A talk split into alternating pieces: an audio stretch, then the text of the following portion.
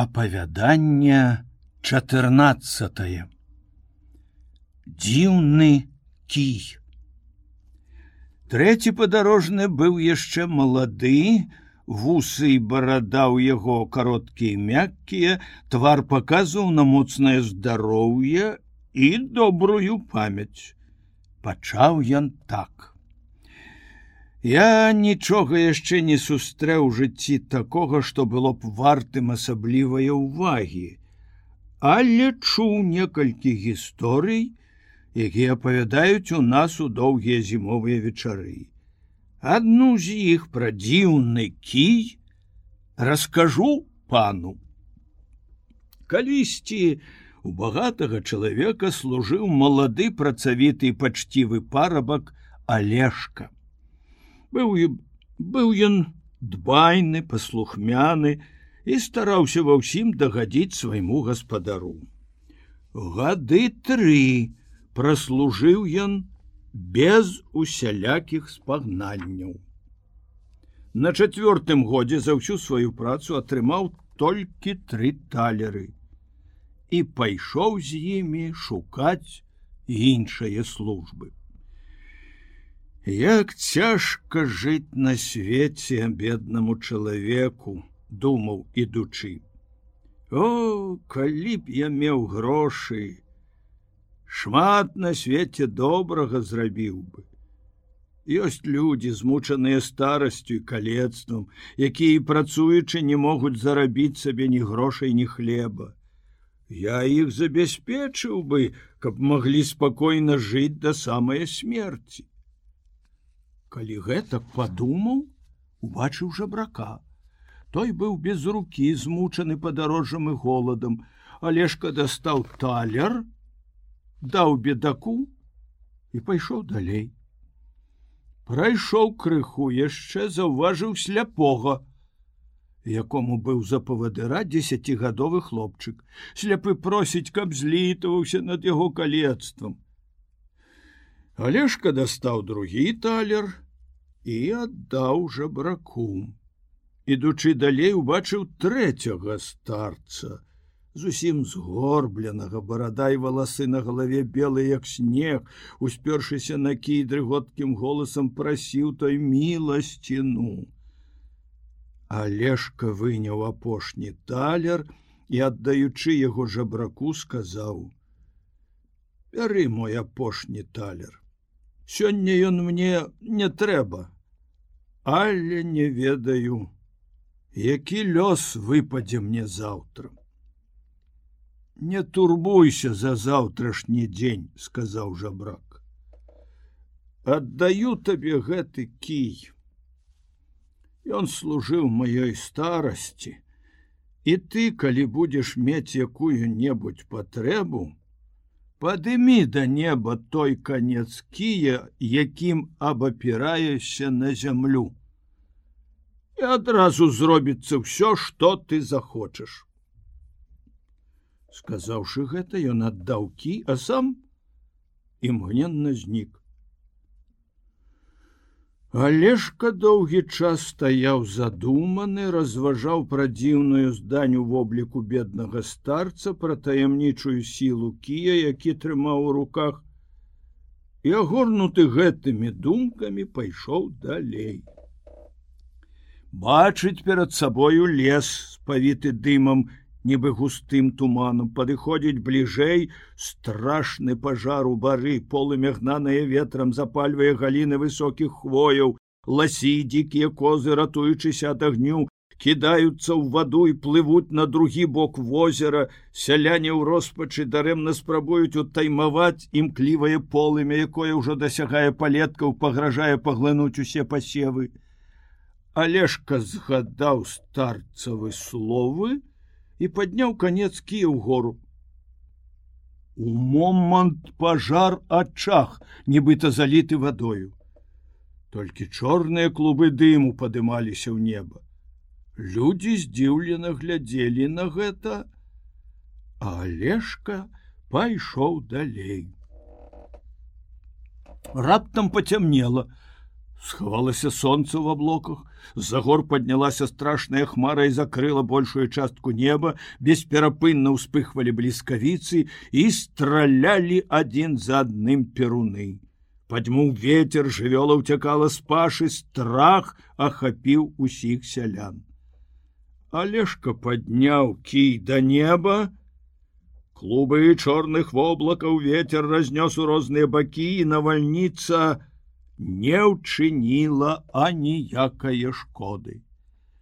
Калі сонца паліла ў полі працу земляробаў, высыхала трава на лугах і паплавах, Алешка чароўным кіем выклікаў з далёкіх краёў хмары і шчодры дождж ажывіў зямлю. Шмат ён дапамагаў бедным і нешчаслівым, і людзі дзякавалі лёсу. Нарэшце алешка пайшоў у далёкі край, дзе за лясамі заводамі за гарамі ёсць велізарная краіна, у якую страшны чарнакніжнік заслаў злых духаў і ператварыў яе ўсю жахлівую пустэльню. Колькі дзён і тыдняў алешка з кіем у руках ішоў далей далей, мінаў вёскі гарады, мінуў велізарныя з даўніх часоў некранутыя сахою пусткі і прыйшоў на месца, дзе хавалася ў цёмных лясах вузкая ўтравелая дарога. Там ён убачыў велізарнага асілка.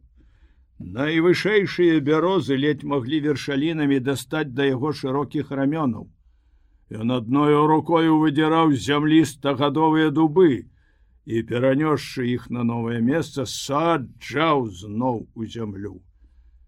Калі ўбачыў вандроўніка, пагрозліва закрычаў: Чо ты прыцягнуўся ў гэтыя цёмныя лясы, загінеш як нікчэмны чарвяк.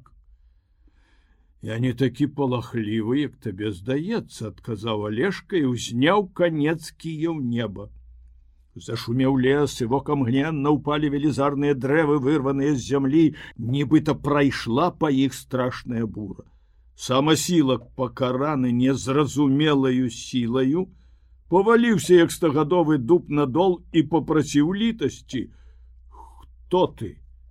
І што робіш у гэтай глухой пустэльні спытаўся алешка Тут недалёка межа царства вялікага чарнакніжніка, сказаў асілак. Я дубіня, яго лёкай, вартую гэтыя цёмныя лясы, а цяпер хачу служыць табе.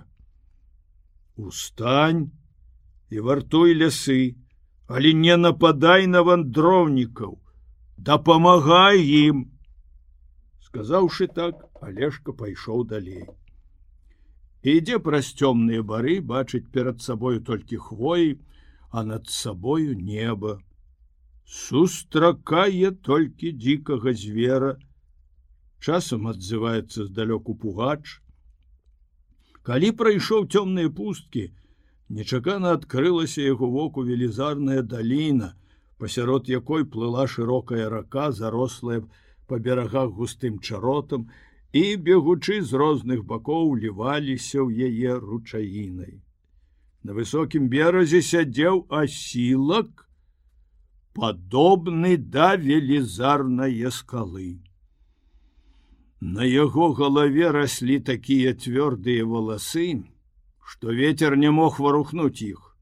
З-пад носа тырчалі велізарныя вусы. Ён закідаў іх на самую сярэдзіну ракі, выцягваў вялікія рыбіны, што былі яму за ежу. Калі гэтая пачвара ўбачыла алешку, дык закрычала: « Чаго ты пры Ну чо ты прыцёгся сюды? А нічовен рыбацкі, ані дзікі звер не пераплывалі гэтыя ракі. Толькі птушки бяскарна могуць ляцець на той бок загінеш тут за свае дурное смелости. Я не баюся тваіх пагрозаў, адказваў алешка і ўзняў кі у неба. Заверылася вода, і рака, нібыта падаючы з высокіх гор, пачала змываць імкліваю плынню берагі. паваліўся асілак як скала падмытая вадою скарыўся і попрасіў літасці ты хто навошта жывучы тут адзін забараняеш хадзіць іншым спытаўся олежка тут недалёка межа царства вялікага чарнакніжніка я пруд яго лёкай вартую гэтую рэчку каб ніхто не пераплываў яе. А цяпер хачу табе служыць. Устань можаш лавіць рыбу ў гэтай рацэ але не чапай вандроўнікаў не забараняй пераплываць на той бераг. А нешчаслівым дапамагай. А цяпер пакажы дзе можна перайсці на другі бераг ракі. Калі так сказаў супакоілася вода а пруд перакінуў вуз на другі бераг. Алешка прайшоў па ім нібыта па плывучым мосце падняўся на высокі бераг і рушыў далей. Неўзабаве ўбачыў ён перад сабою вяршыню велізарных гор, што ўздымаліся над усёй зямлёю, нібыта хмары перад рабінаваю ноччу. Падышоў бліжэй і ўбачыў асілка, які быў мацнейшы і страшнейшы за дубіню і пруда. Гэты волад збіраў горы і скалы ў адно месца і стаўляючы іх адна на адну будаваў мур, які быў ужо вышэй за аблокі. Убачыўшы мандроўніка, ён закрычаў страшным бы грымоты голасам так, што задрыжала ўся ваколіца: « Куды ідзеш небарака! Не пералятае праз гэтае месца ні арол ні сокал. І воблакі далей не плывуць. Загінеш як нікчэмны чарвяк. Я не баюся тваіх пагрозаў адказваў алешка і ўзняў кі у неба. Абваліліся скалы і горы скаланулася зямля. Перапалоханы асілак зваліўся на дол і попрасіў літасці. Ты хто? Каму ты служыш, носячы гэтыя скалы і горы на плячах? Навошта трэба гэтая сцяна вышэйшая за аблокі? Я гарыня, лёкай вялікая чарнакніжніка тут мяжа яго царства. Ён не любіць птушак, хмары ветру, хоча патушыць на небе сонца і зоркі, каб была вакол толькі цемра. Але табе само неба спрыяе, ты мацнейшы за майго гаспадара. А таму я хачу кінуць гэтую цяжкую працу, служыць табе ісці туды, куды ты загадаеш. Хадзем у царство вялікага чарнакніжніка, будзеш мне там паказваць дарогу.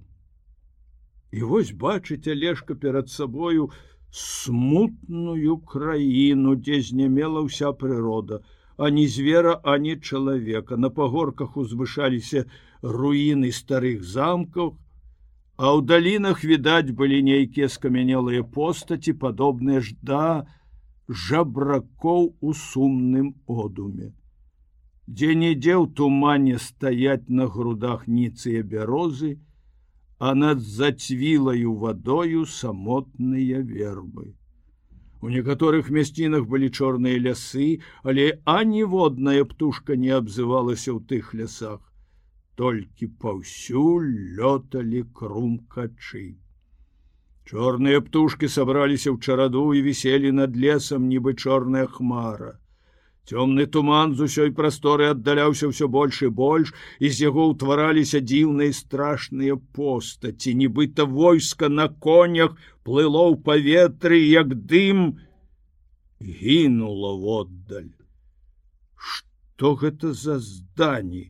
спытаўся Олежка это сілы вялікага чарнакніжніка, якія слабеюць ад ветру, што блукае па свеце. Што гэта за нямыя камяні, якія здалёк нагадваюць скамянелых людзей?